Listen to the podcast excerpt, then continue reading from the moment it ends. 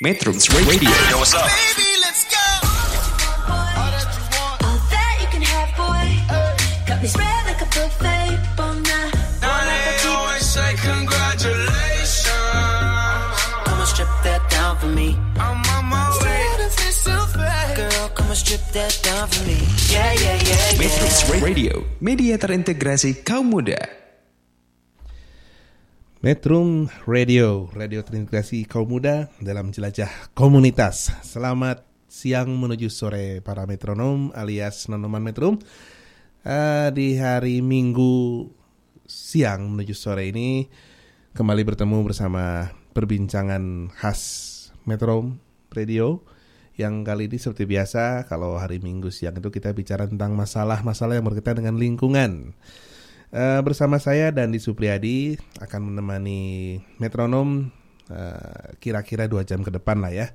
Mudah-mudahan topiknya menarik karena berhubungan dengan masalah eh, hal yang sering kita piara di rumah. Oke, namun sebelum kita mulai, em, sebelumnya saya ingin mengingatkan kepada metronom untuk eh, mengakses Metrum Radio di jalur mana pun yang Anda bisa. Kalau sekarang sekarang ke- kebetulan sedang mendengarkannya melalui web ya metrum.co.id. Jangan lupa bahwa Metrum itu juga punya Facebooknya, eh, punya Instagramnya di metrum.co.id, punya Twitternya juga di @metrum.co.id. Bahkan kalau mau lihat di YouTube juga ada di Metrum Radio ya, channel YouTube-nya Metrum Radio. Bahkan sekarang untuk memudahkan Metrum Radio pun sudah dapat diakses melalui website eh, Radio Garden. Cari saja di Radio Garden ada Metrum Radio. Nah itu pasti nggak akan salah lagi. Baik metronom, eh, hari ini saya ditemani oleh eh, seperti biasa kalau siang itu pasti ada teman-teman dari Profauna. Kali ini ada supporter Profauna Jabar. Eh, Kenapa bu? Lagi latihan. Lagi latihan muka, oke. Barusan di depan saya dia mangap-mangap. Selamat siang Teh Rinda. Selamat siang, Kang Dandi. Teh Rinda Sirait ini salah satu supporternya Jawa Barat. Ya sering banget muncul di Metrum. Eh, jadi udah nggak asing lagi mungkin suaranya ya. Eh, hari ini Teh Rinda kita akan ngobrol apa nih Teh? Kita mau ngomongin soal burung berkicau. Kan kalau minggu lalu dunia yang sepi sendiri karena burung-burung itu banyak diburu dari alam. Mhm. Nah, sekarang saya akan berbicara burung-burung yang pindah di alam gak ada, di rumahnya marak gara-gara burung itu punya kelebihan kicauan, Oh jadi ini berhubungan sama hobi ya? hobi. Hobi. Oke, Em, untuk mengingatkan metro eh, metronom eh, minggu lalu kita sudah membicarakan masalah eh, apa ke mana tuh? Dunia tanpa tanpa kicau. kicau ya. Judulnya dunia tanpa kicau. Artinya membayangkan bagaimana dunia kita kehilangan burung-burung tersebut. Lalu memang masalahnya apa kalau kita kehilangan burung-burung itu? Karena sebenarnya burung-burung itu ada fungsinya ya teh ya. Hmm, hmm. Nah, hari ini kita akan coba juga bicarakan tentang masalah yang lebih krusial lagi berhubungan dengan tema eh, minggu lalu yaitu bagaimana kita melestarikan burung berkicau untuk tetap hidup di alamnya gitu kali ya. Iya, betul betul. Oke, eh sebelum diteruskan nih teh, eh, bisa nggak jelasin dulu emang bedanya apa sih burung berkicau sama burung biasa? Iya, kan kalau kita bicara soal jenis-jenis burung itu macam-macam ya. Ada yang burung yang eh, predator gitu ya, BOP Hmm. ya, bird of prey. Itu kayak elang, burung hantu, dia masuk kalau di Indonesia ya. Iya. Nah, eh waktu minggu lalu sempat dipetakan tuh sama Teh Nadia bahwa burung-burung yang seperti itu juga hilang gara-gara dipelihara orang untuk eh, apa ya?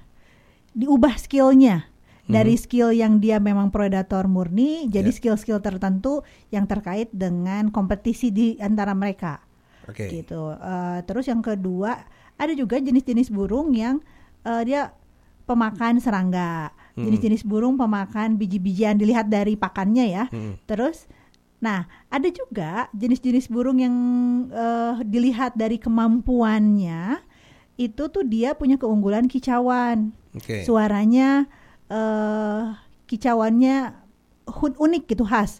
Beberapa burung kayak contoh murai batu, Ya. jenis kicauannya itu pasti eh, berbeda dengan cucak ijo, cucak Ya. rowo gitu. Hmm. Dan itu yang menjadi eh, daya tarik orang-orang kalau dulu dengernya di alam, ih burung apa itu?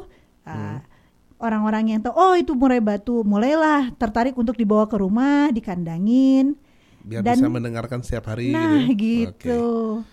Hmm, berarti ini eh, burung-burung yang memiliki bakat ya. Ya, secara alam bakatnya Iya, bakat ada. alam. gitu ya. Oke, nanti ada burung idol, nanti dia bisa ikutan. Oke, jadi itu yang membedakan antara burung berkicau dengan jenis-jenis Hmm. burung lainnya. Lalu pertanyaan berikutnya, memang kenapa kok mesti dilestarikan katanya? Nah, sesuai dengan fungsinya kan ya. Kayaknya minggu lalu seperti bahas juga. Hmm. Kalau burung itu salah satu fungsinya itu misalnya menyebarkan membantu menyebarkan benih. Lalu dia membantu menyeimbangkan ekosistem. Ingat zamannya serangan eh, tomcat? Ya, Tomcat itu menyerang karena ternyata burung predatornya nggak ada. hmm, Terus juga pernah ada serangan hama tikus. hmm, Hama tikus itu ternyata juga karena burung hantu dan burung predator tikus-tikus sawah itu juga hilang. Itu kejadiannya sekitar 5-6 tahun lalu di daerah Jawa Tengah dan Yogyakarta. hmm. Eh, nah, si burung berkicau terus kenapa apa fungsinya? Fungsinya burung berkicau itu ya sama. Dia pemakan serangga atau pemakan biji-bijian Oke, sehingga dia membantu menyebarkan benih. benih. Dan Hmm. kalau itu nggak ada ya bisa jadi kalau pemakan biji-bijian sebaran tumbuhan itu menjadi terbatas kan, sangat terbatas. Hmm. Untuk sebagian burung juga dia pemakan serangga gitu dan kalau pemakan serangga itu diambil artinya ekosistem juga jadi tidak seimbang, nggak ada predator serangga Oke, ya amit-amit ya serangan ulat bulu atau tomcat bisa jadi akan muncul lagi. Ah, oke. Jadi walaupun secara lahirnya burung berkicau itu sepertinya hanya bisa dinikmati suaranya saja, tapi sebenarnya dia punya fungsi gitu ya. Punya fungsi di alam. punya ya. fungsi di alam. Begitu metro para nonoman metrum eh, bahwa ternyata yang namanya burung berkicau itu bukan sekedar indah didengar, tapi juga sebenarnya punya fungsi di alam. Sehingga kalau kita tangkap, kita simpan di rumah, memang suaranya bisa dinikmati setiap hari dan menyenangkan. Bahkan katanya ada bisa terapi juga ya untuk mendengarkan suara itu ya. Katanya sih itu menjadi Hmm. terapi. Cuma saya sih juga bingung ya eh kalau teman saya itu dia pengamat burung Hmm. dan sempat dia merasa tersiksa di rumah yang banyak mengkoleksi burung berkicau. Oke. Karena menurut dia suara yang dihasilkan oleh burung di dalam sangkar itu berbeda. Jadi Be- seperti jeritan bukan nyanyian. Oh, itu dia ya. Jadi buat buat yang awam sih kedengarannya sama, Sama aja. aja. Jadi artinya suaranya merdu, suaranya indah, unik gitu ya. Padahal ketika dia berkicau di alam dengan berkicau di sangkar itu keluarnya lain gitu ya sebenarnya ya. Iya, ada ada perbedaan katanya, ada perbedaan. Eh, dan kalau lama-lama itu teman saya sampai merasa sakit kepala, Kang. Hmm. Karena kata dia itu suaranya nggak nggak merdu, bukan merdu, kayak orang eh, Menjerit-jerit. menjerit ya. Oh, gitu Berbeda katanya. Karena dia juga mengamati eh, waktu itu dia eh, mendengarkan suara burung cucak ijo. Mm-mm. Eh, kata dia enggak, suaranya nggak begini kalau Harusnya nggak begini kalau di ya. alam. Hmm, Nah itu dia. Eh eh, Nanoman Metro mungkin sekarang boleh coba diperhatikan nih suara yang ada di sangkar di rumah. Apakah seindah ketika kita mendengarkannya langsung di alam? Kayaknya mesti jalan-jalan ke alam ya. Mesti makanya untuk itu kita mesti banyak jalan ke alam. Nah eh, sambil menunggu mungkin eh, Nanoman Metro keluar rumah dulu untuk mencari burung. Eh, kita rehat sejenak untuk mendengarkan beberapa lagu di depan. Se- Setelah itu kita akan kembali membicarakan tentang apa sih maknanya kicau bagi manusia. Begitu. Eh, kembali lagi bersama Metro sesaat lagi. Metrums Radio. Yo, what's up? Baby, let's go. All that you can have, boy. Got me spread like a buffet. Bon night. Now they always say congratulations. Come and strip that down for me. I'm on my way. Girl, come and strip that down for me. Yeah, yeah, yeah, yeah. Metrums Radio. Media terintegrasi kaum muda. Metro Radio, ya media terintegrasi kaum muda dalam jelajah komunitas. Ya masih bersama saya Dandi Supriyadi ditemani oleh rekan saya dari Profauna Jabar Teh Rinda Aunilah. Belakangnya sebut jangan. Boleh, boleh. boleh ya Rinda Aunilah Sirait. Ah, pasti orang Subang ya. Salah. Kadipaten. Aduh Kadipaten. Baiklah. Ada siapa sih di Kadipaten? Baik eh, Teh Rinda tadi kita udah ngomongin masalah ya pembukaannya sih. Kita hari ini membicarakan masalah eh, burung berkicau kan tadi udah disebutkan. Sebenarnya burung berkicau itu selain suaranya merdu juga punya fungsi di alam gitu kan ya. Lalu ternyata ada penelitian yang menyebutkan bahwa sebenarnya eh, ketika burung berkicau itu sedang bersuara di dalam sangkar itu suaranya berbeda dengan ketika dia bersuara di alam. Iya. ada yang pernah bahkan sampai sakit kepala mendengarnya karena merasa mendengarkan ceritan tangisan gitu ya Iya katanya sih begitu. Hmm. Saya sih juga kalau sampai membedakan gitu ya, mengidentifikasi suara sedetil itu enggak karena menurut saya yang ada di gantangan Hmm. itu ya ya ya itu suaranya gitu. Tapi Hmm. ternyata bukan katanya.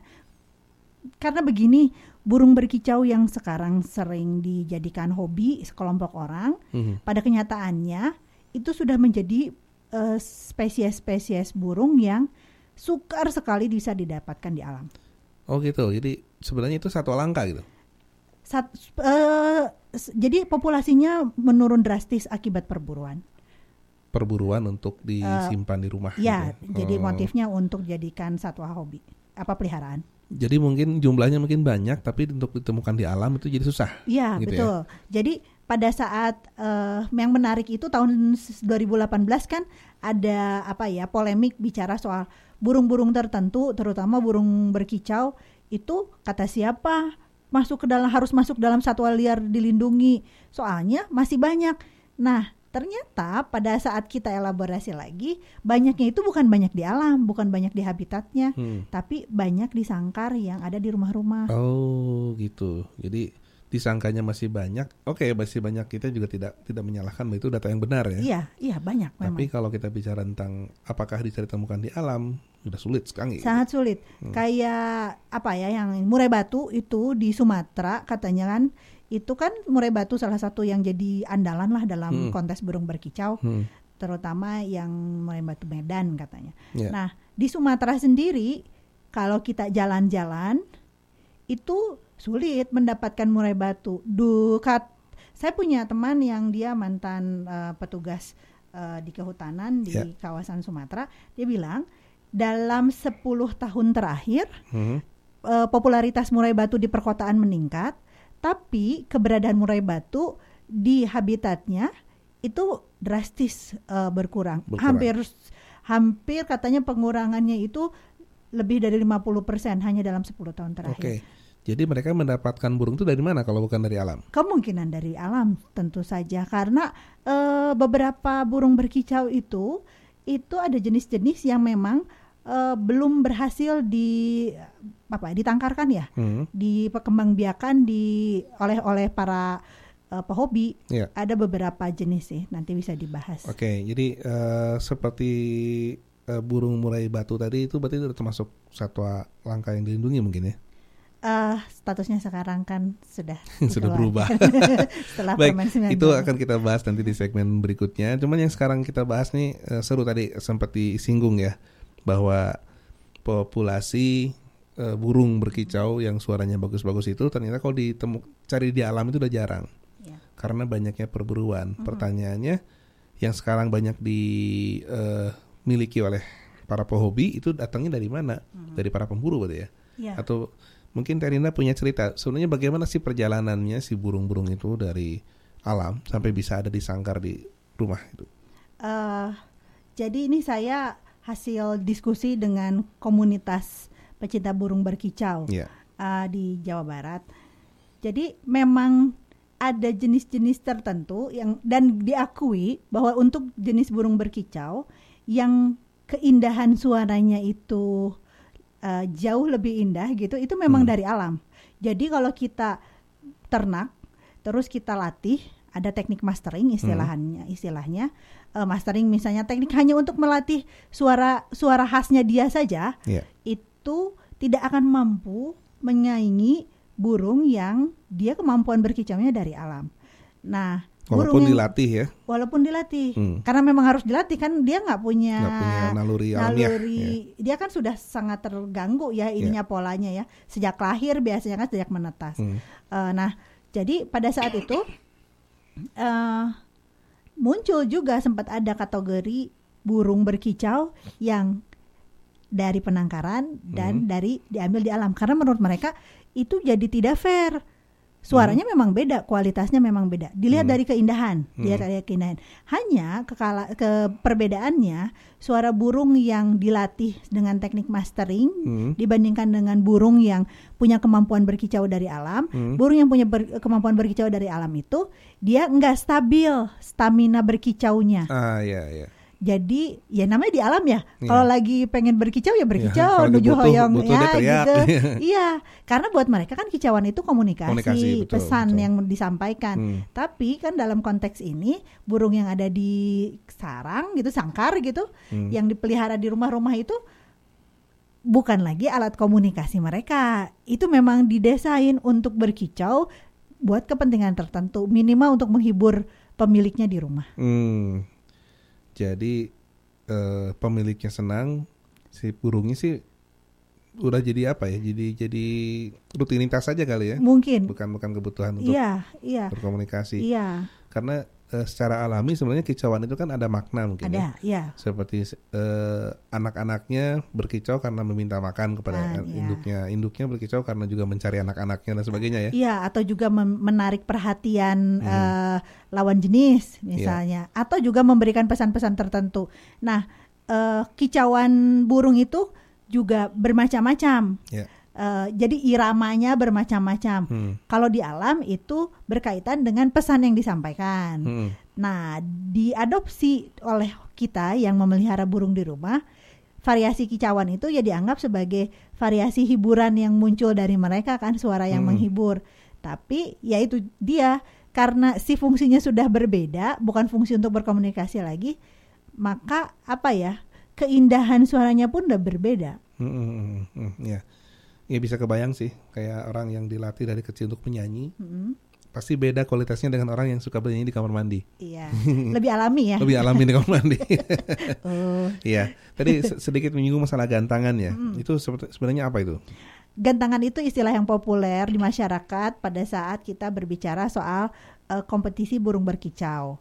Kompetisi burung berkicau kalau di masyarakat gantangan gitu. Ya, ya. Eh, dalam tiga tahun terakhir eh, gantangan itu mengalami banyak sekali cerita gitu ya. Mhm.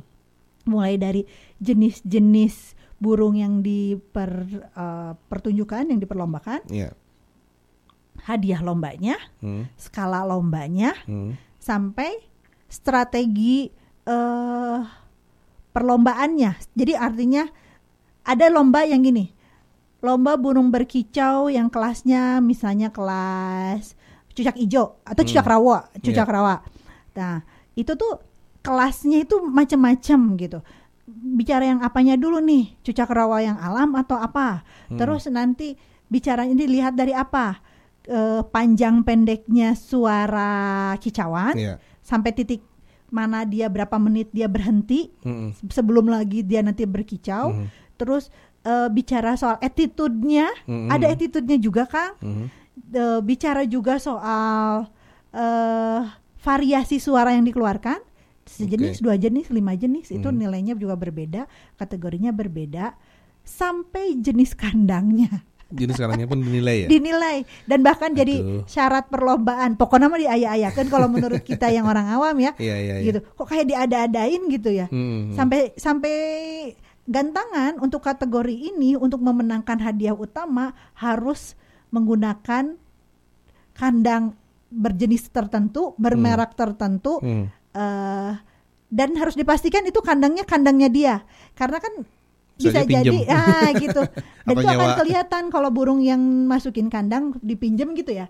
Oh nggak familiar ya? Nah, nggak Hmm. familiar dengan itu, nggak homey gitu. Nggak homey, aduh si burung ini ya. Beberapa sikap dari satu tuh kadang-kadang moodnya sama dengan manusia ya. Manusia, Kayak iya. kita kalau ngontrak rumah sama punya rumah sendiri lain ya. Oh, iya. sama pinjem rumah. Pinjem rumah. Eh, ayah saya gimana? Nah itu itu lebih sudah sudah cukup jangan jangan jadi curhat. langsung curhat. Baik, itu tadi masalah gantangan. Artinya gini, eh, ketika orang kemudian membeli burung untuk dipiara, itu motifnya lain-lain ya. ya, Jadi ada yang memang eh, tadi yang saya bilang jadi teman di rumah sebagai terapi gitu ya.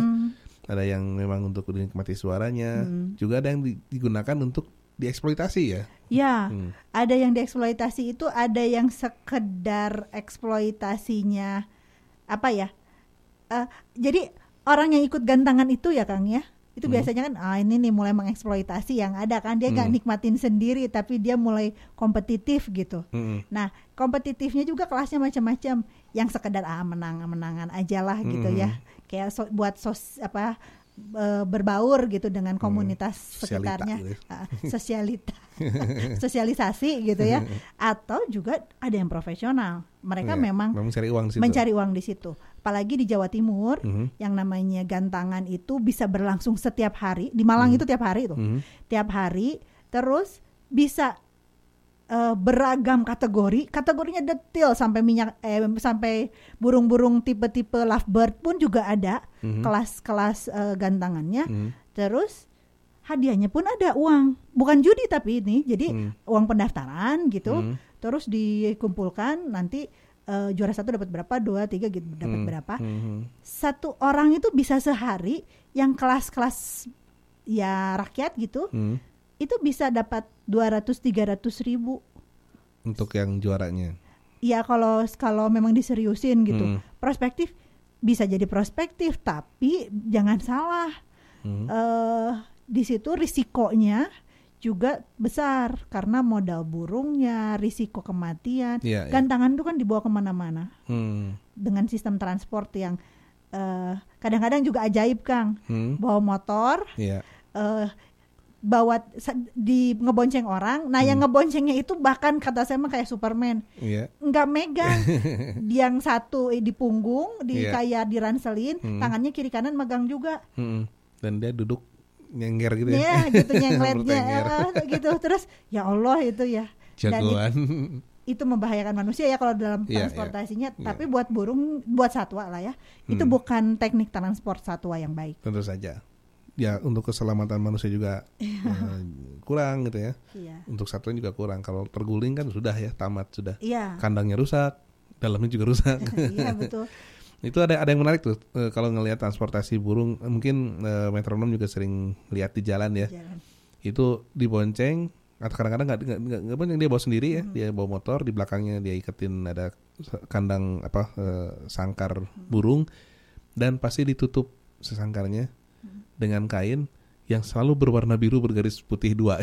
Iya, iya, iya. itu entah iya. kenapa. Ah, mungkin Terina tahu nggak penyebabnya? Kenapa harus warna biru? kenapa harus kenapa harus eh, garis dua? saya tuh juga berkepentingan dengan pertanyaan itu ya Iya. karena warna dan garisnya itu kalau di kampus merepresentasikan komunitas tertentu. Iya betul. Eh, tapi ternyata itu tuh dari produsen eh jadi ada warna hijau Iya. eh, terus nah yang warna itu produsennya sama dari pengrajin satu pengrajin. Hmm. Eh, nggak ada makna apa-apa tapi itu dari satu pengrajin gitu. Hmm. Kalau nggak saya nggak salah itu di Jawa Barat di sekitar Tasik gitu. Oh gitu. Mungkin dia alumni dari kampus tadi ya. Melihat warnanya bagus nih. Iya, Kenapa harus bergaris dua itu yang saya tanyain itu? Kenapa nggak jadi garis satu? Karena kalau garis tiga Adidas mungkin maaf. Jadi merek. Baik. Ya, tapi itu ada maksudnya ditutup ya.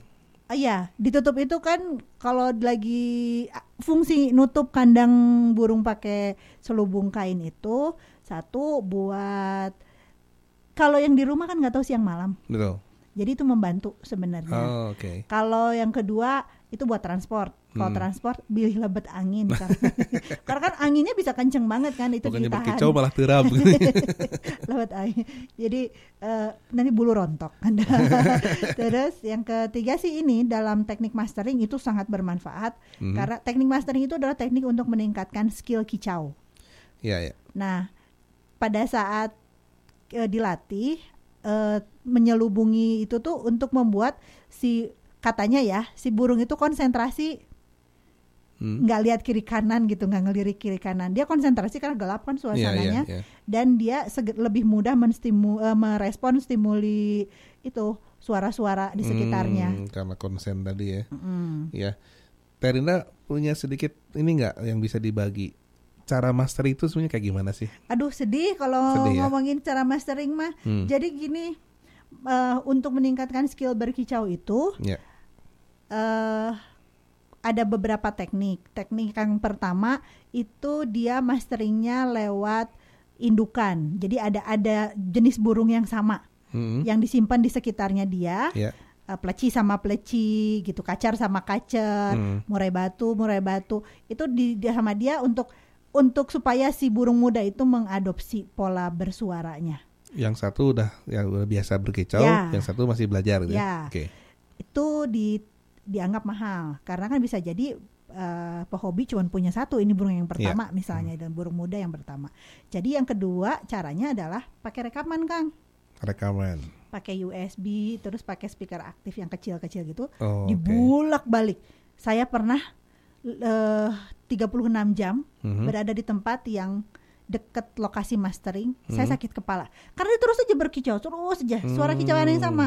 Iya, ya iya. memang jenisnya itu. Iya. Itu katanya karena pemiliknya nggak punya eh, Pasangannya. indukannya, gitu Indukannya, yang hmm. eh, yang bisa ngajarin. Hmm. Terus dia bolak-balik. Kebayangnya itu juga pasti kan jadi semacam teror, apalagi Iya. diselubung kan dia Hmm. ditutup. Nah, yang ketiga ini yang berbahaya bagi eh, konservasi satwa menurut saya. Hmm. Teknik mastering yang sedang populer yaitu menstimuli suara burung dari eh, jenis-jenis burung yang lain. Jadi kan burung itu sebenarnya punya nada suara, nada kicau yang khas. Hmm. Gayanya beda, Tiap suaranya burung beda. tiap burung beda. Bahkan dalam satu jenis pun beda-beda. gitu. Bahkan dalam satu jenis pun walaupun beda-beda detailnya, tapi ada ada ada satu pakemnya lah Hmm, gitu. hmm. Eh, ada koreak mahjang naon, ini Hmm. mahjang apa gitu. Hmm. Nah, kalau ini enggak. Jadi si burung ini karena ada kategori eh, perlombaan Hmm. yang menuntut jumlah variasi suara, Ya.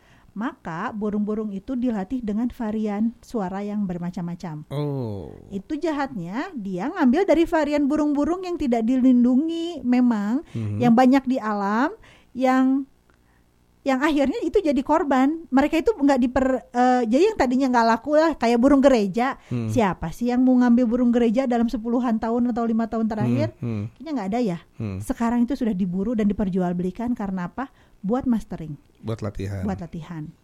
Yang dilatihnya burungnya bukan burung gereja bukan pastinya. gereja Hmm, pastinya, bukan sistem apa pun, indukan.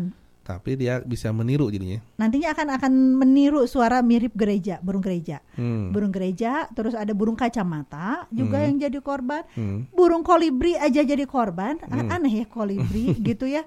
Dan burung-burung yang kecil-kecil yang biasa biasanya kita eh, dapat gitu ya. Hmm. Asalkan dia punya suara eh, yang khas gitu. Hmm. Itu itu itu jadi salah satu burung yang diburu untuk kebutuhan mastering. Waduh. Jadi nantinya jadi nggak betul-betul nggak alami ya. Jadi Iya. bisa jadi burung murai batu bersuara kolibri gitu. Iya, Jadi iya. aneh ya. Iya, iya bisa jadi. Dan ada di itunya di eh, penilaian kategori lombanya gitu ada. Hmm, hmm. Eh, berapa kemampuan yang berapa variasi suara yang bisa dikeluarkan misalnya murai batu Hmm. grade A ini misalnya gitu. Luar biasa ya. Kalau kita perhatikan itu sebenarnya seperti yang hal yang sepele buat manusia Hmm. ya karena manusianya memang tidak terpengaruh oleh hal-hal seperti itu. Tapi kalau kita pikirkan satwanya, berarti dia sudah dimanipulasi kemampuan alaminya Hmm. menjadi hal yang betul-betul baru gitu ya. Iya, dan yang menyedihkan lagi untuk memanipulasi kemampuan satwa A diperlukan korban satwa B, C, D, E, F, G, Hmm. H gitu. Hmm. Jadi eh, kadang-kadang saya nanya, kalau eh saya nanya kadang-kadang kan terbersit pertanyaan ya, kalau memang para pehobi ini fokus di burung yang jadi jagoannya, misalnya burung murai batu apa, nah si burung-burung yang sekedar jadi masteringnya, teknik pemerawatannya apa? Hmm. Ya sebisa-bisa aja, mati kan nanti murah ya beli lagi gitu, Aduh, cari lagi. Nah itu langsung, ya. aduh perburuan lagi kan gitu.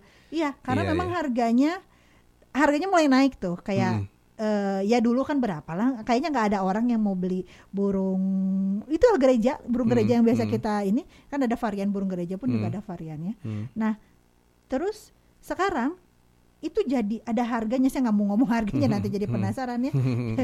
Jadi ada harganya demi mastering. Eh, harganya memang tidak tidak terlalu mahal tapi kan eh, persepsi bahwa ya ya udah nanti juga kalau mati bisa saya beli lagi terus buat mastering lagi Iya itu dia yang yang perlu kita pikirkan adalah tadi ya eh, pemikiran tentang konservasinya yang belum sama sekali dilupakan oleh banyak orang. Baik Teh Rinda, eh, kita mesti rehat dulu. Eh, setelah ini kita akan bicarakan lagi tentang perburuan tadi ya, tentang lebih detail lagi tentang perburuan tadi. Baik eh, para nonoman metrum, eh, jangan ke mana-mana dulu.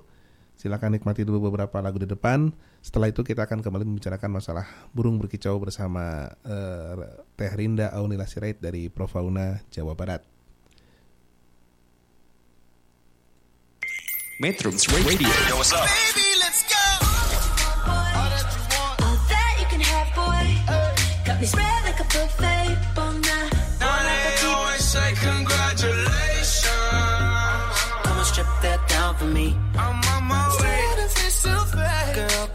that down for me.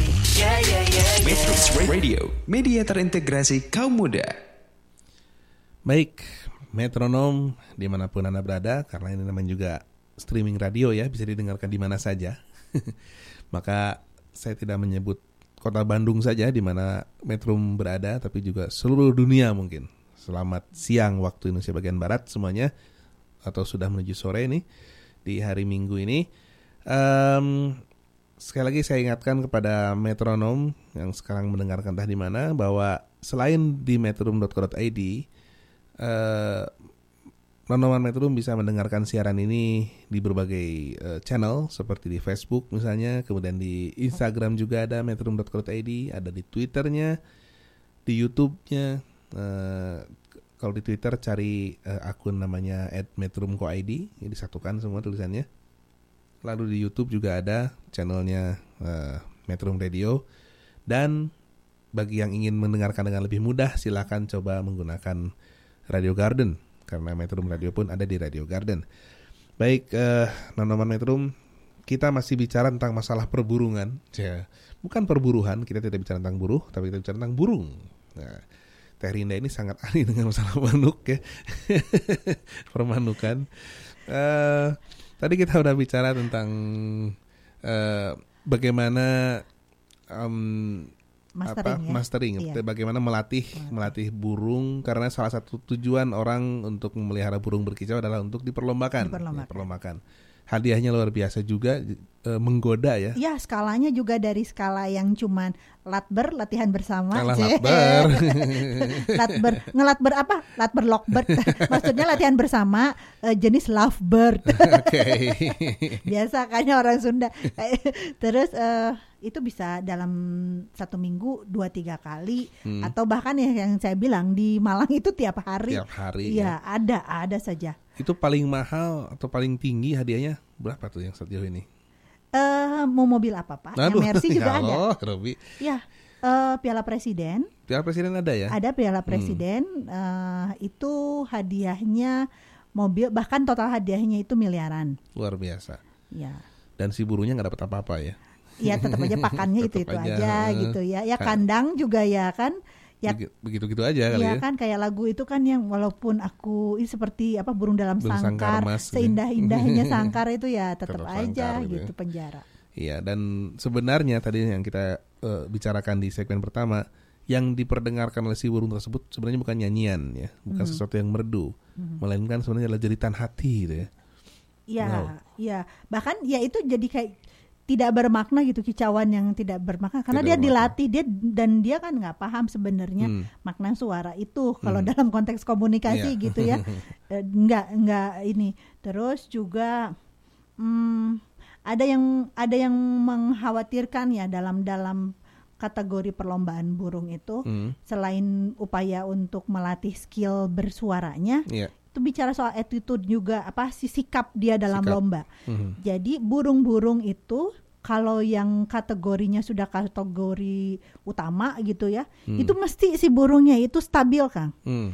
Dia akan eh, berdiri di di pegangan ada ada Hmm. kayu yang Hmm. melintang dan di di pegangannya itu dia akan berdiam di situ dan Berdiri terus tegak, ber ya. Ah, eh, posenya juga ada Mhm. tertentu betul Mhm. seperti tegak ya indahnya seperti tegak saya juga harusnya kita ajak teman-teman dari biologi gitu ya Mhm. apakah itu memang postur yang benar gitu Mhm. artinya postur alamiahnya Eh, terus dia berkicau Hmm. tanpa henti dalam jangka waktu tertentu Ih, suram ya. saya kadang-kadang ngomong itu jadi kayak dibuat maaf ya gila ya Iya, cuci otak lah kayaknya. Iya, karena eh ada latihan untuk meng- mengurangi. Kalau burung itu kan dia senang eh, loncat-loncat dari satu dahan ke dahan yang lain Iya. kan. Nah, si si kebiasaan melompatnya itu meloncatnya itu dikurangi, dilatih dengan cara-cara tertentu. Eh, Salah satunya teknik lapar.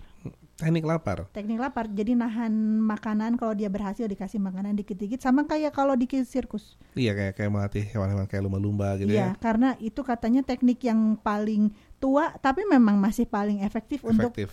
eh, me- mengingatkan memori terhadap apa misalnya sikap-sikap tertentu yang diapresiasi. Hmm. Seram ya. Jadi ingat episode eh, perbincangan Metrum yang kapan ya yang kita bicara tentang sirkus Hmm, ya. itu kita bicarakan hal yang sangat Iya, mengerikan sebenarnya iya. di balik keceriaan dan apa Kelucuan. kelucuan yang kita tonton itu di balik itu luar biasa Ya, sekali. siksaan. Baik, itu tadi kita bicara tentang tentang trainingnya lah ya, Hmm. tentang trainingnya. Nah, satu pertanyaan tadi itu sebenarnya bagaimana caranya tuh si eh, si burung tadi pindah dari alam sampai ke sangkar itu pasti melibatkan proses kan? Iya. Proses. Perburuan, Perburuan. jawabannya perburuan. Hmm. Seperti apa itu? Eh, kalau untuk burung-burung berkicau, perburuannya yang paling kerap dilakukan itu adalah teknik jaring, Kang. Jaring. Jadi dipasang jaring di tanpa bermaksud untuk mengajari ya, karena ini kan hal yang buruk ya metronom gitu. Iya. Saya jadi teringat teori komunikasi yang Iya. bikin ngasih detail terus terus diikutin. Tapi ada teknik jaring. Mhm. Jadi teknik jaring itu membuat burung lagi enak-enaknya terbang, pluk, tiba-tiba dia nempel ke sesuatu benda yang dia nggak kenal dan Mhm. terjebak bisa sampai lebih dari 24 jam sampai ada si pemburunya. Karena kan si pemburu itu masang jaring, Hmm. Nyebarin jaring itu kayak nelayan gitu. Hmm. eh dia nggak dia tungguin karena kan jaring mah Hmm. eh, sekitar 24 jam lah nanti besoknya dia datang lagi gitu Oke. untuk melihat oke. hasilnya Hmm. dan risiko kematiannya cukup tinggi dengan sistem jaring itu. Nah itu yang mesti kita ingatin sama metronom di rumah ya bahwa eh, cara jaring itu pertama tadi kalimatnya lagi enak-enaknya terbang tiba-tiba plek. Iya. Nah, gimana bayangkan kalau anda lagi enak jalan tiba-tiba di- digubrak kena naon gitu ya. Terus nggak bisa menyelamatkan diri dan Iya. hanya menunggu ada diselamatkan 24 jam kemudian Iya, itu kan tanpa gitu. makan tanpa apa itu Iya. coba bayangkan seperti itu ya. ya, Terus cara lain gitu. ada yang dijerat pakai getah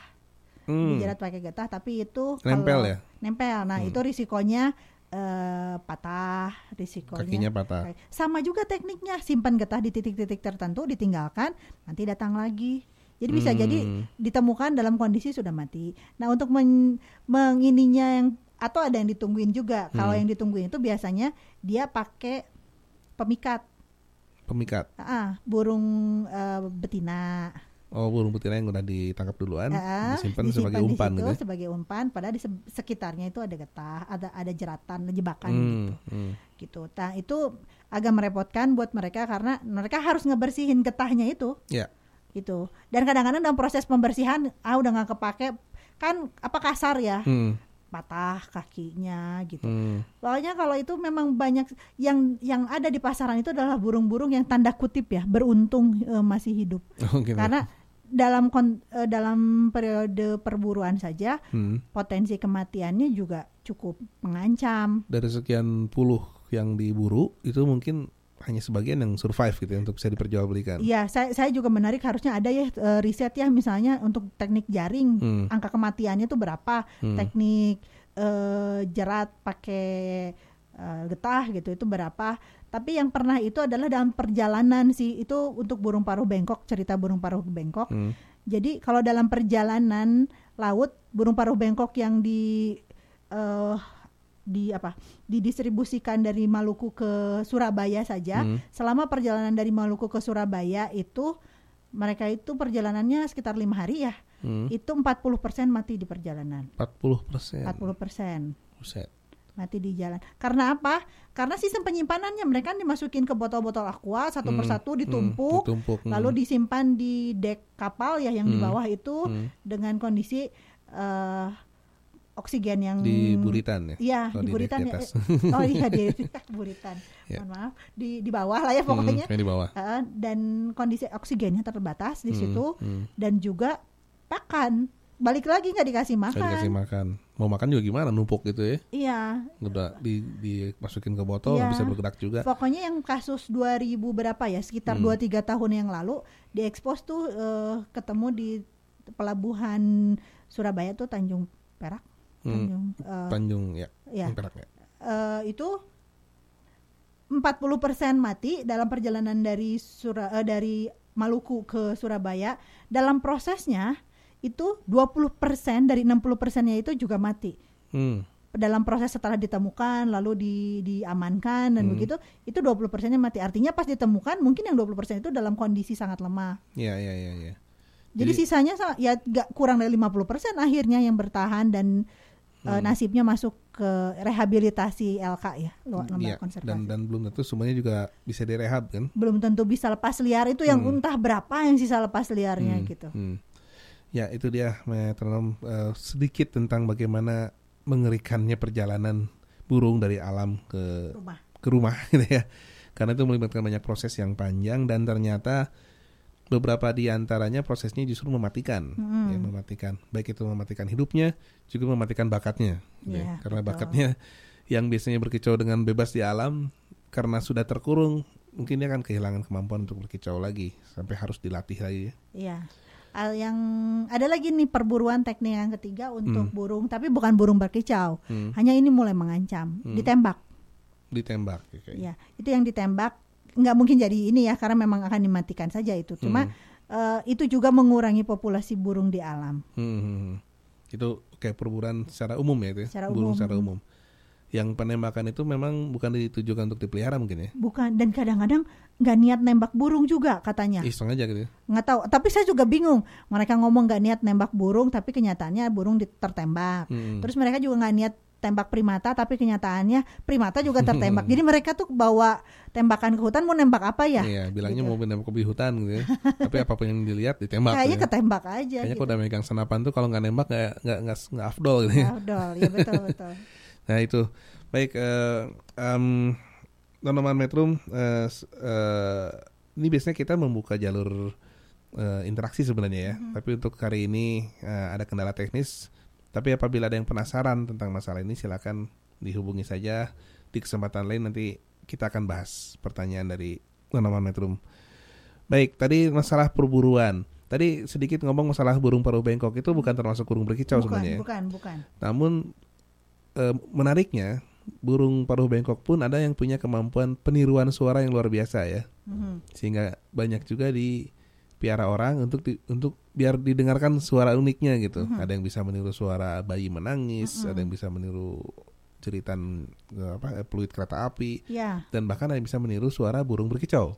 iya betul betul ya Hmm, ya itu yang burung paruh bengkok itu jenis-jenis tertentu ya hmm, itu memang dia mengimitasi suara yang ini ya lihai ya. Hmm, bahkan cepat ya. Cepat belajar. sangat ya. Cepat belajar gitu. Eh, pernah ada yang menarik itu di satu sekolah yang me- memelihara burung paruh bengkok. Yang sebenarnya dilindungi ya. yang sebenarnya dilindungi yang sayang sekali pada sekolah itu sekolah alam gitu ya di Bandung. Eh, terus si pengelola bilang kalau burung itu itu eh, kami tempatkan dekat masjid Hmm, terus anak-anak juga kan seringlah berkata-kata baik sehingga yang keluar itu biasanya assalamualaikum alhamdulillah Hmm. allahu akbar Hmm, gitu hmm. pokoknya ha- pujian-pujian Iya iya. iya. tapi pas kami dekati Hmm. dan kami amati tiba-tiba burung itu juga mengeluarkan kata lain bodoh bodoh gitu ya loh Loh. Katanya santri. katanya nyantri ini burung ternyata ya eh, kemungkinan memang ada orang yang bicara itu dan dia Langsung- meresap menyerapnya Iya. gitu. Dan sekali lagi itu buat burungnya sendiri itu tidak ada makna sebenarnya Tidak kan. ada makna. Jadi itu bukan bukan cara mereka berkomunikasi secara alamiah Bukan. gitu. Itu pun terjadi dengan burung-burung berkicau yang kemudian dilatih khusus untuk bersuara bermacam-macam ya. Iya. Itu eh, sifatnya sama dengan burung paruh bengkok tadi yang Yang dilatih bicara, bicara, ya. ya. Nah, yang untuk burung berkicau ini kan memang oleh pemerintah didorong nanti itu akan ada apa ya? Jadi untuk meningkatkan populasinya di alam nanti itu akan ada eh, kuota. Hmm. Kalau saya nggak tahu berapa persen kuotanya, tapi kalau masuk ke dalam kuota lembaga konservasi kan 20 persenan. Hmm. 20 persenan itu harus dilepas di alam, Hmm. bahkan 30 persen targetnya kan. Hmm. Nah kalau ini saya nggak tahu nih, eh misalnya ada pen- peternak peternak burung cucak hijau misalnya, Hmm. burung cucak hijau itu kalau punya 100 berapa persen yang harus dikeluarkan? Pertanyaannya pada saat dia mulai ditetaskan, diapakan lah gitu ya, dibesarkan, mampu nggak dia bertahan di alam dengan teknik yang memang dilakukan oleh peternak selama ini, teknik mastering, tes, teknik apa? Hmm. Atau misalnya oh enggak yang 20-30 persen yang memang mau lepas liar, misalnya di diurusnya dengan cara yang berbeda gitu. Ya. Pertanyaan pertinyi ini, pertinyi ini sekarang adalah eh, sejauh mana si para peternak itu tahu dan mampu mengembangkan eh, upaya-upaya persiapan mereka bisa bertahan hidup di alam. Jangan-jangan udah oke siap nih 10% atau 20% kita lepasin. Hmm. Saat lepasin nggak lama kemudian mereka mati karena mereka nggak tahu Cara makan, cari makan. cara cari makan Hmm. betul karena kalau di LK khusus misalnya yang sa- saya sempat amati LK primata memang Hmm. LK cara ini lembaga konservasi. lembaga konservasi ya hmm, yang biasanya menyiapkan satwa-satwa untuk kembali ke alam bebas gitu Hmm. itu untuk teknik memberi makan saja itu pakai ilmu ya ada yang harus ya sesuai dengan karakter si satwanya kan. Betul, betul. ada yang harus disembunyikan ditempelkan seperti getah di batang-batang hmm. gitu ya ya wah ini luar biasa nah kalau di peternakan burung berkicau setahu saya dikasih pakannya akhir-akhir ini trennya adalah pakan buatan Pakan buatan. Oke. karena ada campuran vitamin Hmm. apa-apa gitu ya pakan buatan lalu Dan juga disediakan ya. dah tekniknya disediakan Hmm. ini caranya gimana ini kalau jadi apakah ada kepikiran ke sana gitu pem- Hmm. untuk pemerintah memang mengusahakan secara secara eh, apa ya regulasi Hmm. mengeluarkan setiap penangkaran itu punya target untuk untuk ini ke alam ya Hmm. kembali ke alam sama kayak zamannya eh, jalak bali kan Hmm. setiap penangkar jalak bali itu ada kuota untuk kembali ke alamnya Hmm. Coba pertanyaannya itu, apakah mereka menyiapkan eh, si burung-burung itu untuk memang siap lepas liar, jangan-jangan mati gitu? Iya, iya betul. Dan biasanya bagi burung yang sudah sangat terlalu terbiasa bersuara lain ya, Mhm. Itu udah nggak bisa lepas ke alam karena dia akan bingung sendiri di alam nggak bisa berkomunikasi dengan burung lain kan, karena bahasanya lain gitu, kan. bahasanya berbeda.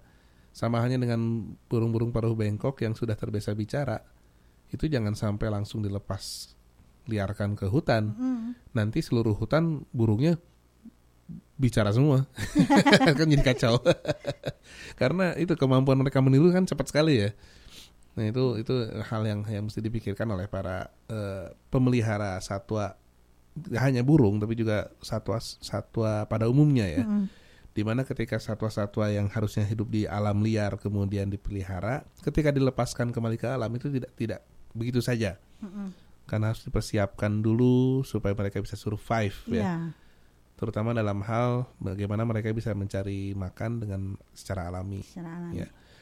Eh begitu ya, eh, Nonoman Metrum. Kalau dipikirkan sebenarnya alam kita itu luar biasa. Di alam sana tuh tidak ada dokter hewan. Tapi sehat-sehat aja Tapi ya. mereka sehat-sehat saja gitu. Justru ada juga yang kemudian ketika alamnya dirambah oleh manusia, hewan-hewannya masuk ke kehidupan manusia, mereka malah jadi penyakitan. Iya. Dan penyakitnya juga menular Bisa ke menular. manusia.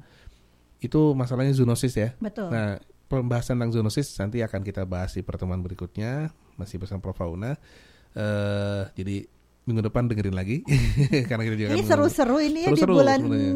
September ini. September, ceria. Eh, September ceria memang biasanya eh, September nih kalau di belahan bumi eh, utara Iya. ini sudah menuju ke musim gugur, oh, ya kan? romantis ya. Romantis karena menuju musim dingin. Di belahan bumi selatan ini musim semi. Ah, nah, lebih romantis, romantis lagi. lagi. Dan di di musim-musim seperti ini memang burung-burung berkicau sedang Sedang berkeliaran dan ini- ini ya. Ya.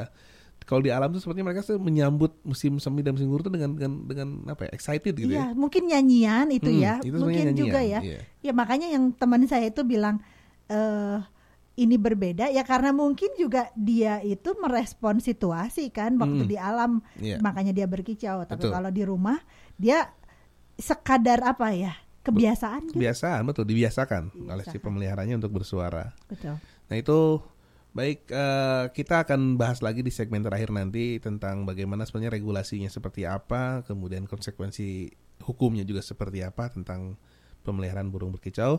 Kita rehat sejenak untuk mendengarkan lagu-lagu berikut di depan ini. Jangan ke mana-mana, masih bersama saya Dandi Supriyadi bersama rekan dari Provono Jawa Barat. Rinda Unila Sirait. Luar biasa. Metro Radio. Yo, what's up? Baby, let's go. All that you can have, boy. Got me spread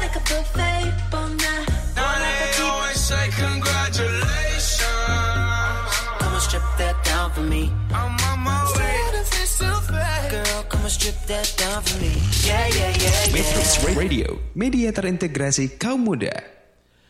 Baik, Metrum Radio, media terintegrasi kaum muda dalam jelajah komunitas, eh, masih dari ketinggian eh, Green Hill di Jati Handap di Cicahum sini, Bandung. Eh, tapi seperti yang saya katakan tadi bahwa siaran Metrum ini bukan hanya terbatas di Bandung karena ini bisa didengarkan di mana pun anda berada. Dengan channel apa pun yang anda punya, anda bisa dengarkan siaran ini. Maka jangan lewatkan untuk selalu mengakses Metrum Radio di metrum.co.id atau di Facebooknya Metrum, juga di Twitternya ada, di Instagramnya juga ada, bahkan di YouTube pun ada. Jadi semua channel bisa anda gunakan untuk mendengarkan siaran-siaran yang berguna ini ya. Ini berguna ya, Berguna, bukan yang unfaedah bukan ini. yang faedah. Ini sangat-sangat berguna. Baik, eh, Nanoman Metrum, kita masih bersama Profauna Jawa Barat yang diwakili oleh Teh Rinda. Sirait. Teh Rina Sirait yang sangat Sunda ya. sangat nyunda. Eh, masih membicarakan tentang masalah keberadaan burung berkicau dan juga bagaimana mereka berpindah tempat dari alam menjadi peliharaan orang dan bahkan dipergunakan untuk dieksploitasi dalam perlombaan eh, maupun hanya untuk kesenangan pribadi saja. Baik, eh, tadi kita bicara tentang masalah prosesnya teh ya, proses perpindahan dari alam ke rumah yang melibatkan proses yang sangat panjang dan juga mengerikan dalam dari perspektif kehidupan alamiah seekor burung. Nah, sebenarnya secara regulasi itu memang ada aturannya teh.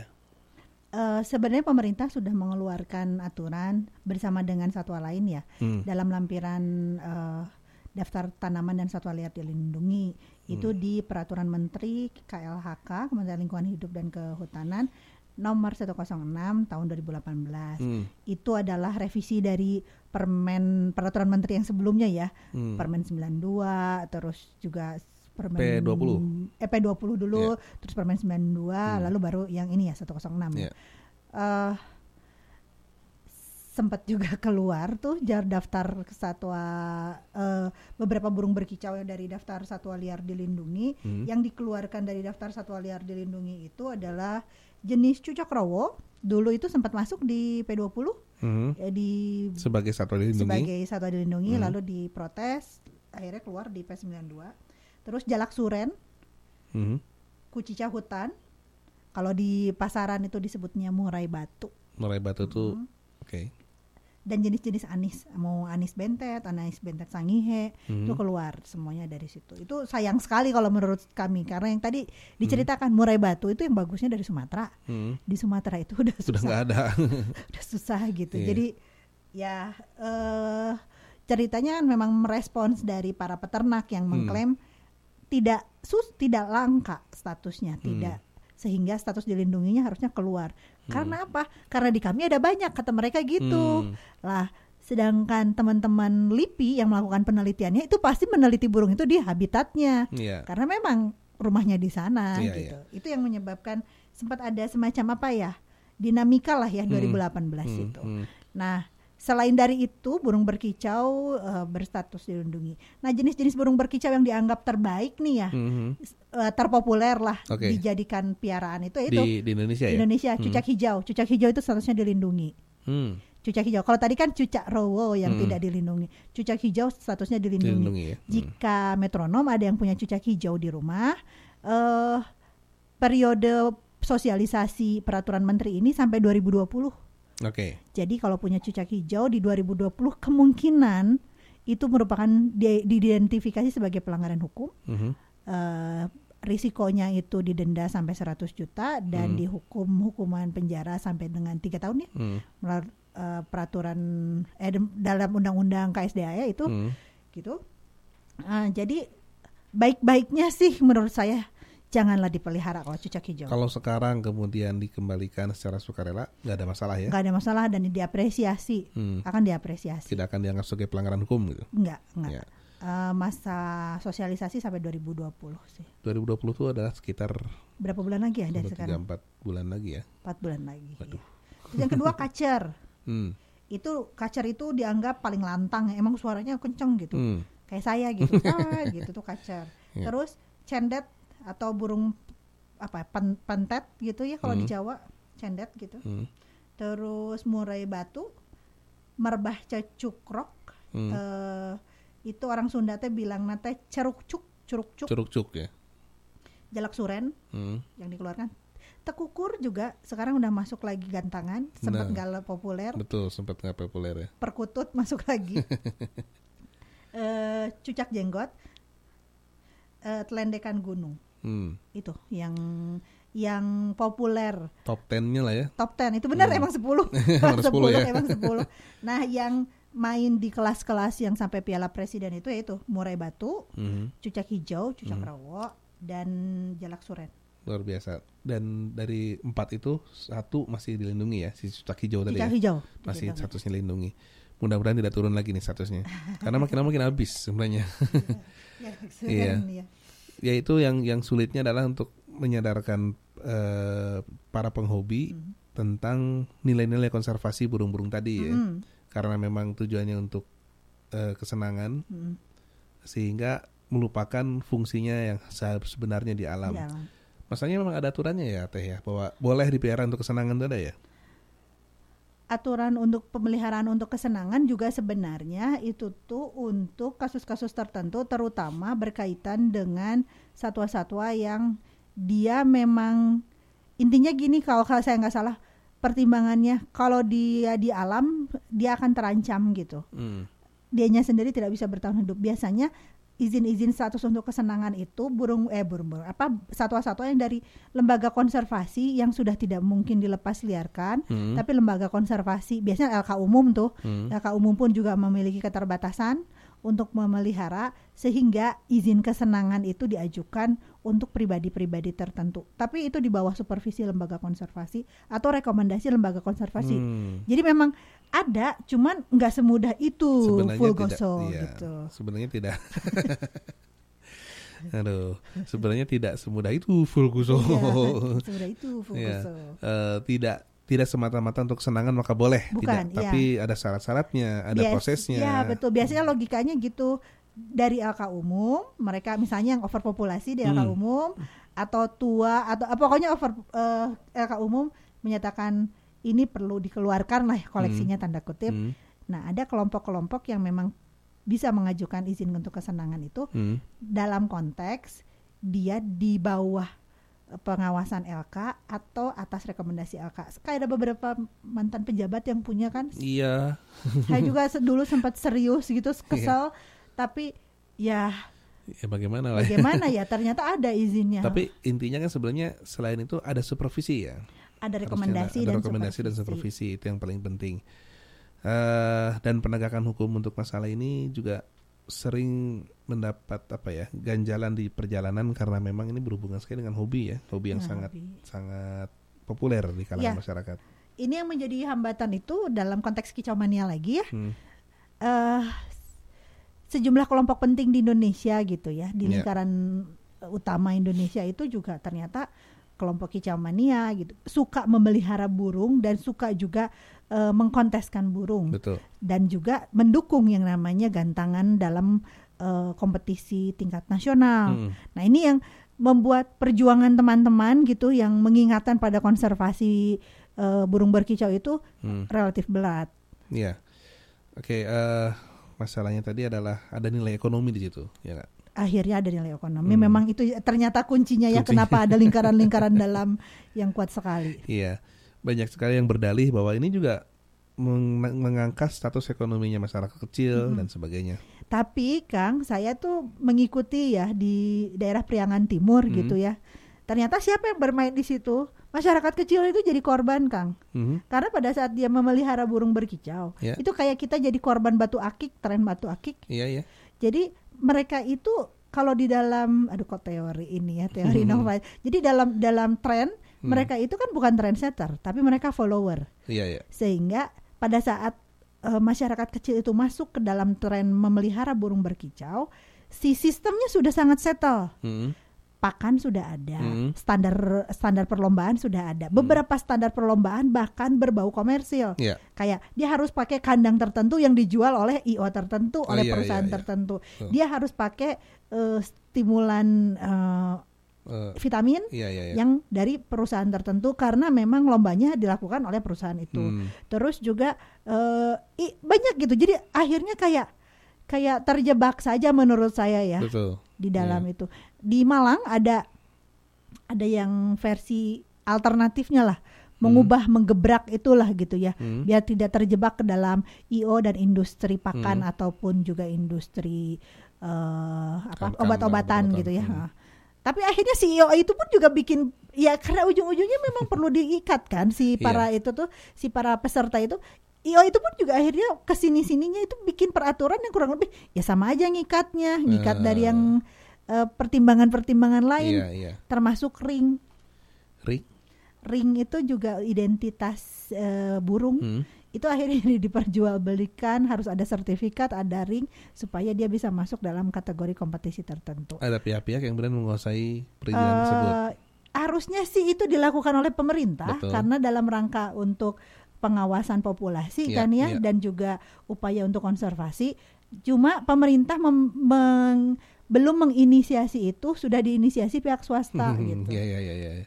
Yang kemudian melihat itu sebagai sebuah peluang Sebuah bisnis. peluang bisnis. Anda punya sertifikat, ada ringnya, masuk di lomba. Lombanya juaranya 100 juta misalnya gitu. Iya. Beli ringnya 25 juta.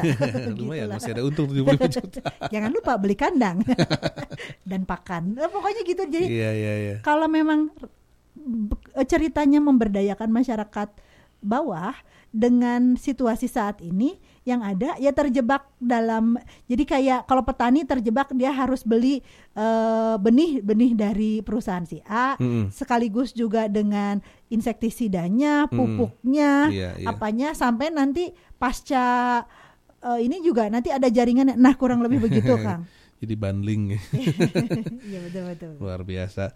Eh begitulah ya met- metronom suka dukanya bukan suka duka ya. duka Dukanya doang sebenarnya. Dukanya di di balik kesukaan kita melihat burung berkicau di sangkar ternyata begitu banyak proses di belakangnya yang kemudian sebenarnya merugikan tidak hanya merugikan si burungnya sendiri, tapi sebenarnya pihak-pihak yang terlibat dalam industri tersebut pun sebenarnya dirugikan dalam beberapa hal karena harus tunduk kepada beberapa eh bukan bu- bukan monopoli ya apa ya namanya ya eh, penguasaan pasar ya Iya. Penguas- sama aja itu monopoli juga monopoli produk lah gitu Dia ya. jadi kayak kartel ya dari hulu ke Iya, hilir. iya luar biasa emang kalau manusia mencari masalah nilai ekonomi itu pinter banget cari jalannya ya. Dan sayangnya yang jadi objeknya itu burung, Burung. korbannya itu salah burung. satunya burung ya dan dan burung yang paling banyak diminati orang sih ya, Iya. untuk bisa dinikmati suaranya ya Iya. nggak sih Iya iya betul. Baik, eh, Nanaman Metrum, kita sudah sampai di penghujung acara sebenarnya ini sayang sekali. Eh, namun sebelum sebelum kita akhiri perbincangan yang luar biasa ini, Teh Rina mungkin ada sesuatu yang ingin disampaikan terakhir. Ya, eh, buat Nonoman Metro, eh, saya berharap sih, mari kita saat ini mulai untuk menghargai satwa itu satwa yang ada di alam, bukan satwa yang kita membawa keindahan satwa itu di rumah atau di sekitar kita. Eh, lebih baik menurut saya sih ya, kita nikmati satwa itu di alam, lalu sebagai bentuk terima kasih syukur kepada Tuhan, kita menjaga alam itu, rumah bagi satwa itu daripada kita membawa satwa dari alam ke rumah dengan berbagai risiko dan juga permasalahan di balik itu. Iya. Dan sesungguhnya dengan memelihara rumah mereka, kita juga memelihara diri kita sendiri ya. Ya, tentu, ya, betul Karena betul. kita baik pada alam, maka alam akan baik sama kita. Ya, gitu katanya. ya, katanya. Luar biasa sekali Teh Rinda si Teh Rinda Aunilah Sirait Ini sangat nyunda ini Eh, atas kesempatannya makasih banget bisa hadir di eh, studio Metro Radio di sini eh, mewakili Profauna Jawa Barat dan Saya senang sekali berada di sini. senang sekali ya. Ya. Agak segar cuacanya ya di Segar. sini. Baik, eh, dan jangan lupa metronom bahwa per- perbincangan bersama Profauna Jabar masih akan berlangsung setiap hari Minggu. Maka minggu depan pun kita akan berbicara kalau tidak salah temanya tentang zoonosis tadi kalau tidak salah ya. eh ya akan bahkan akan juga menampilkan eh, pembicara tambahan. Kalau saya nggak salah masih burung Kang, Burung. tapi bird of prey itu ngomongin Oh, ya, mengenai burung-burung burung-burung pemangsa. pemangsa, ya. ya, oke. Memang September ceria penuh burung. Hidup manuk. nah diakhiri oleh eh, Masalah zoonosis. Zoonosis. Oke. Baik, itu eh, informasinya eh, teman-teman Metrum bagi Anda yang tertarik dengan masalah perburungan eh, dalam hal konservasi tentu saja. Silakan eh, akses terus eh, Metrum Radio media terintegrasi kaum muda dalam jelajah komunitas dalam berbagai channel yang tadi saya sebutkan. Dan silakan berinteraksi dengan kami juga. Eh, mudah-mudahan minggu depan interaksi kita bisa lebih langsung. Eh, dan untuk saat ini kami tutup saja pembicaraan kita. Mohon maaf bila ada beberapa kesalahan kata dan tetap mendengarkan Metro Radio dan tentu saja mendengarkan Profauna Jabar eh, di setiap hari Minggu. Tetap menjaga alam kita karena apabila kita baik ke alam, maka alam pun akan baik pada kita. Terima kasih. Eh, akhir kata, wassalamualaikum warahmatullahi wabarakatuh.